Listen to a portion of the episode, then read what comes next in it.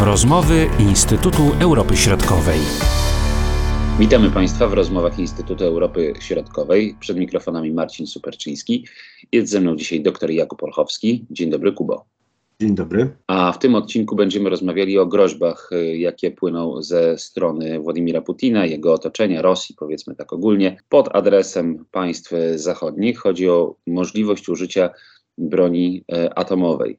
Na ile na dzisiaj jest możliwe, że Rosja zdecyduje się na taki krok, a jeśli się zdecyduje, to w jakim zakresie? Jeśli się zdecyduje, co jest e, generalnie mało prawdopodobne, ale to nie jest nieprawdopodobne, bo, bo wiemy, że mm, Rosja jest obecnie w takiej sytuacji, że niewiele jej zostało mm, kart przetargowych, więc sięga po te najpoważniejsze, czyli, czyli broń jądrową.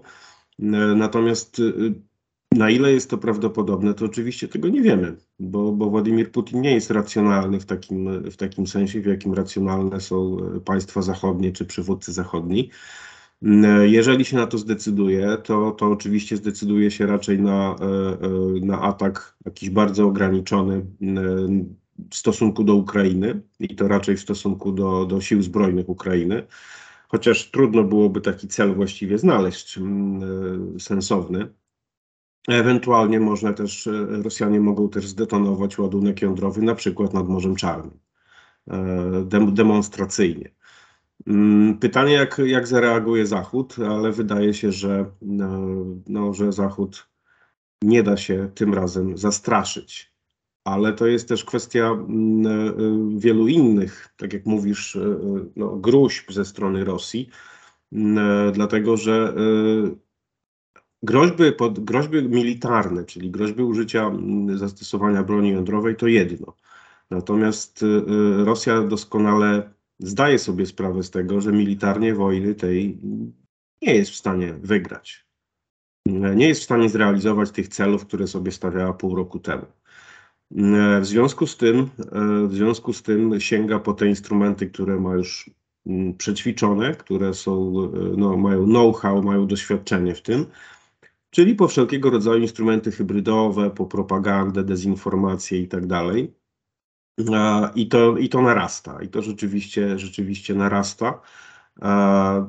Czemu trudno się dziwić, bo tego rodzaju instrumenty wykorzystują e, już zastane strachy i obawy, więc e, są tylko wzmacniane. Oczywiście są skrojone pod, pod adresata.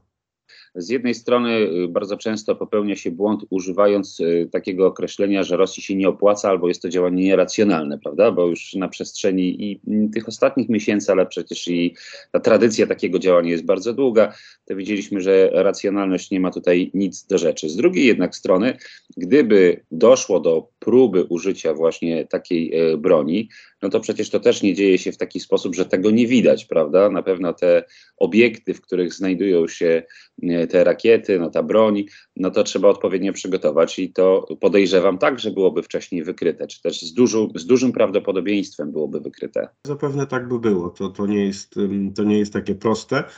Chociaż, chociaż jest to wykonalne, dlatego że mm, no, broń jądrowa to, mm, to nie musi być od razu e, rakieta balistyczna międzykontynentalna, bo przecież, bo przecież istnieje, istnieją mniejsze, te tak zwane taktyczne, chociaż wojskowi mówią, że e, nie ma czegoś jak, takiego jak taktyczna broń jądrowa, bo broń jądrowa jest albo jej nie ma.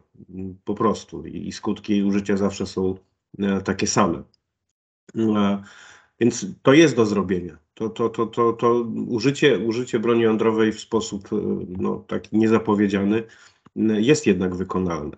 Natomiast czy, czy, czy rzeczywiście się Rosjanie na to zdecydują, no to już jest zupełnie odrębna kwestia. I oczywiście nie można tego bagatelizować, prawda? To jest bardzo poważna sytuacja i tutaj też się mówi, ja wiem, że my trochę tak dywagujemy, też nie chcę tutaj straszyć naszych słuchaczy za bardzo, ale y, no, pojawiają się te informacje, jeśli byłoby właśnie użycie tej broni, to na jaką odpowiedź tutaj y, może Rosja liczyć w takiej sytuacji? No bo jakby wymiana ciosów y, bronią nuklearną no, kończy się końcem świata. No i chyba wszyscy sobie z tego zdają sprawę. Czy w Rosji sobie nie zdają sprawy? Jest trochę głosów także w Rosji się już pojawiających, że, y, że jeżeli Putin no bo to wyjdzie od niego oczywiście ta decyzja. Jeśli zdecyduje się na użycie broni jądrowej, to zostanie odsunięty y, od władzy przez własnych wojskowych, dlatego że oni zdają sobie sprawę z, z konsekwencji y, tego kroku, bo to rzeczywiście będzie y, najprawdopodobniej no, Armagedon, czyli, czyli wojna jądrowa. Niekoniecznie, ale, ale wcale nie jest to wykluczone. Pojawiały się też głosy ze strony Paktu Północnoatlantyckiego, niektórych byłych dowódców, którzy mówili, że w momencie zastosowania właśnie takiej broni, użycia tej broni przez Rosję, odpowiedź mogłaby być, y, ale raczej konwencjonalna ze tak. strony Stanów Zjednoczonych. Tak, konwencjonalna, ale już y, najprawdopodobniej byłaby to odpowiedź y, zbrojna sojuszu przeciwko Rosji. Więc to, to już nie, nie, nie, nie ograniczamy się w, te, w takim wypadku do, do pomocy Ukrainie, do dostarczania jej broni, amunicji, etc tylko no, być może rzeczywiście byłby to atak w jakąś infrastrukturę krytyczną czy infrastrukturę militarną Rosji ze strony, ze strony NATO. Ale to też jest. mm, znaczy też y, z, z, drugiej strony, z drugiej strony mamy trochę do czynienia z takim hura optymizmem, jeśli chodzi o, o bagatelizowanie tej rosyjskiej mobilizacji. A jeśli chodzi o, o ofensywę ukraińską, dużo jest y, Dużo jest takich głosów, dużo jest e, opinii, że, e, że to już jest właściwie zwycięstwo, że ta wojna jest, jest wygrana, ale to, to, to jeszcze długo nie. I, I, pamiętajmy, że ta mobilizacja, chociaż ona, mimo że ona przebiega tak jak przebiega, mimo że Rosjanie e, masowo uciekają z Rosji i E, uciekło ich już e, więcej niż, niż, niż Rosjanie zgromadzili wojsk w lutym wokół Ukrainy. Już, już więcej Rosjan opuściło Rosję.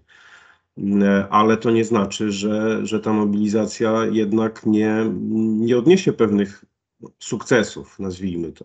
Jest takie powiedzenie przypisywane Stalinowi zresztą, że ilość sama w sobie jest jakością. Taką taktykę zresztą pamiętajmy stosowała Armia Czerwona w, w czasie II wojny światowej. To nieprawda, że e, czołg T-34 był super świetnym i najlepszym czołgiem. E, po prostu oni ich wyprodukowali prawie 60 tysięcy. Dla porównania Niemcy swoich tygrysów wyprodukowali e, niecałe 1400. Rosjanie rzucali miliony żołnierzy, bez względu na to, czy oni ginęli, czy nie.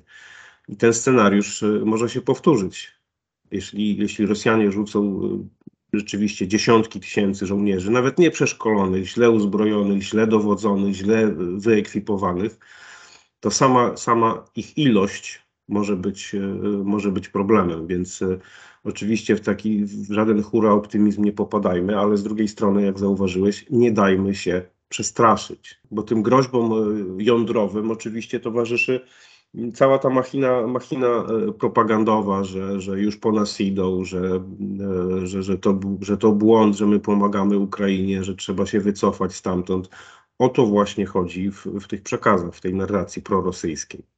Ale są też takie środowiska, do których właśnie ta narracja trafia, prawda? Widzimy, co się dzieje w Czechach, podobne wystąpienia i demonstracje takie antywojenne i przeciwko temu, że Czechy są zaangażowane w pomoc Ukrainie. Opinia publiczna na Słowacji wprost e, życzy Rosji zwycięstwa. Tak to też wynikało z tych jednych z ostatnich badań opinii e, publicznej. Są środowiska, które natychmiast chętnie by się dogadały z Rosją, gdyby tylko można było i przekonują do tego, że, że Europa czy Unia Europejska powinna zmienić politykę, jeśli chodzi o sankcje. No ale z drugiej strony mamy, no właśnie, kryzys energetyczny, rosnące ceny, no i mamy rozsypujący się E, gazociąg po dnie e, Bałtyku. Jak to oceniasz tą sytuację? Co to się wydarzyło? Czy to tak jak Radosław Sikorski dziękował Ameryce, czy, czy to zupełnie coś innego? Oczywiście też możemy tylko dywagować. W tej chwili za, za mało wiemy. Nie wiemy, jak to się stało i, i technicznie w jaki sposób e, no, ten zamach najprawdopodobniej, bo właściwie wszystkie Wszyscy zgodnie twierdzą, że, że to nie stało się z przyczyn naturalnych. No, tego w tej chwili nie wiemy. Natomiast no, niewątpliwie wpisuje się to w, w, całą tę strategię y, działań rosyjskich, które właśnie zmierzają, tak jak powiedziałeś, do zastraszenia społeczeństw zachodnich, także, także Polaków, do skłócenia ich ze sobą, y, do obrócenia ich przeciwko Ukrainie. Stąd przekaz do Polaków jest ciągle ten sam, czyli że ukrainizacja Polski, Wołyń i tak dalej, i tak dalej. To jest, to, to jest, to jest normalne i to się nie, nie zmienia. Y, generalnie tak jak wcześniej mówiliśmy, no, Rosja zrobi wszystko, żeby, bo to jest warunek jakiegokolwiek jej powodzenia w konflikcie z, z Ukrainą, zrobi wszystko, żeby Zachód odwrócił się od Ukrainy. I temu będą służyć właśnie i szantaż energetyczny, i dezinformacja, i propaganda. Czym pamiętajmy, że ta propaganda to nie jest propaganda, e, niekoniecznie jest otwarcie wprost prorosyjska bo taka byłaby, zwłaszcza w Polsce, no, zbyt łatwa do, do, do, zidentyfikowania i raczej nie cieszyłaby się popularnością. Ale zwróćmy uwagę, że to jest, te, te, te działania są często znacznie bardziej wyrafinowane, e, bo mm, dla przykładu e, w czasie, w czasie pandemii bardzo wiele było różnych takich mm, grup, czy, czy różnych, różnych portali, różnych środowisk antyszczepionkowych. Tej chwili te wszystkie środowiska niemal jak jeden mąż nagle stały się antyukraińskie. Co tak swoją drogą pokazuje, kto, kto jest ojcem chrzestnym tego, tych wszystkich e, pomysłów. I o co im chodziło zarówno w przypadku działań tych antyszczepionkowych, jak i antyukraińskich? O destabilizację społeczeństwa, o to, żeby ludzie się kłócili, o to, żeby rosła, narastała polaryzacja społeczna. O to im chodzi, a nie o to, że że szczepionki są złe albo że, e, że rzeczywiście Ukraińcy są źli. Nie, chodzi o to, żeby skłócić, zdestabilizować.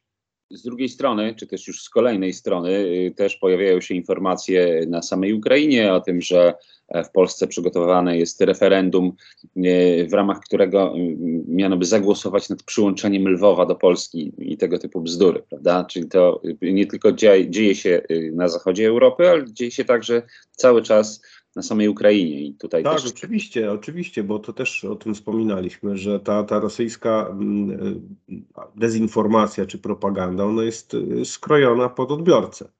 Więc e, zupełnie inne rzeczy będą, dostają Niemcy na przykład, inne rzeczy dostają Polacy, czyli tę, anty, tę antyukraińską narrację, a Ukraińcy dostają na przykład antypolską narrację, wedle której Polacy nienawidzą Ukraińców i Rosjan, są y, de facto ruso, nacjonalistami, rusofobami i ukrainofobami e, i że y, cała ta pomoc y, ze strony Polski służy tylko i wyłącznie temu, żeby oderwać od Ukrainy Lwów i ogólnie zachodnią część Ukrainy. I rzeczywiście już krążą wydrukowane karty do takie referendalne E, właśnie dla, bo rzekomo ma się odbyć referendum w sprawie, tak jak na Hersońszczyźnie i na Zaporożu i tak dalej, tylko tu się ma odbyć e, na, na zachodniej Ukrainie referendum w sprawie przyłączenia do Polski. Powróćmy jeszcze na chwilę do tych tematów nuklearnych. Co dzisiaj możemy powiedzieć o potencjale rosyjskim, jeśli chodzi o ten zakres, prawda? Bo słyszeliśmy jeszcze do niedawna o tej drugiej najsilniejszej armii świata, co życie zweryfikowało bardzo brutalnie. Co wiemy o tym potencjale właśnie rosyjskim nuklearnym? Może czego nie wiemy? A może czego nie wiedzą nawet sami Rosjanie. Po pół roku wojny i mm, po tym, jak ona wygląda i jak wygląda, wyglądają rosyjskie siły zbrojne, to rzeczywiście można dojść do innych nieco wniosków, e, niż wynikałyby z no, publikowanych e, od, od wielu lat zestawień, takich zestawień w liczbach bezwzględnych, wedle których e, Rosja dysponuje tysiącami głowic jądrowych, przy czym w, w tym wymiarze taktycznym ma przewagę nad NATO. E, dlatego że NATO mocno ograniczyło ten potencjał jądrowy e, taktyczny, jeśli chodzi o na przykład o bomby e, z, z głowicami jądrowymi. Natomiast właśnie, jeżeli patrzymy na to, na przebieg wojny, mm, to można sobie zadać pytanie, na ile te rosyjskie siły strategiczne rzeczywiście, znaczy w jakim są stanie, bo jeżeli one są w takim samym stanie, w jakim są siły lądowe, lotnictwo czy marynarka wojenna, to bać się należy raczej y, y, stanu technicznego tego sprzętu i całej tej infrastruktury, e, bo może się okazać, że to po prostu y, nie działa, albo że no, może działać wadliwie, co, no, co w sumie może być jeszcze, jeszcze bardziej groźne. Więc tego oczywiście nie wiemy, ale trzeba to brać pod uwagę. Bardzo dziękuję za ten komentarz i za te e, spostrzeżenia dotyczące bieżącej sytuacji w obszarze rosyjsko-ukraińskim. No i czekamy na kolejne spostrzeżenia. Dziękuję bardzo, Kubo. Do usłyszenia, do zobaczenia. Dziękuję bardzo. Były to rozmowy Instytutu Europy Środkowej.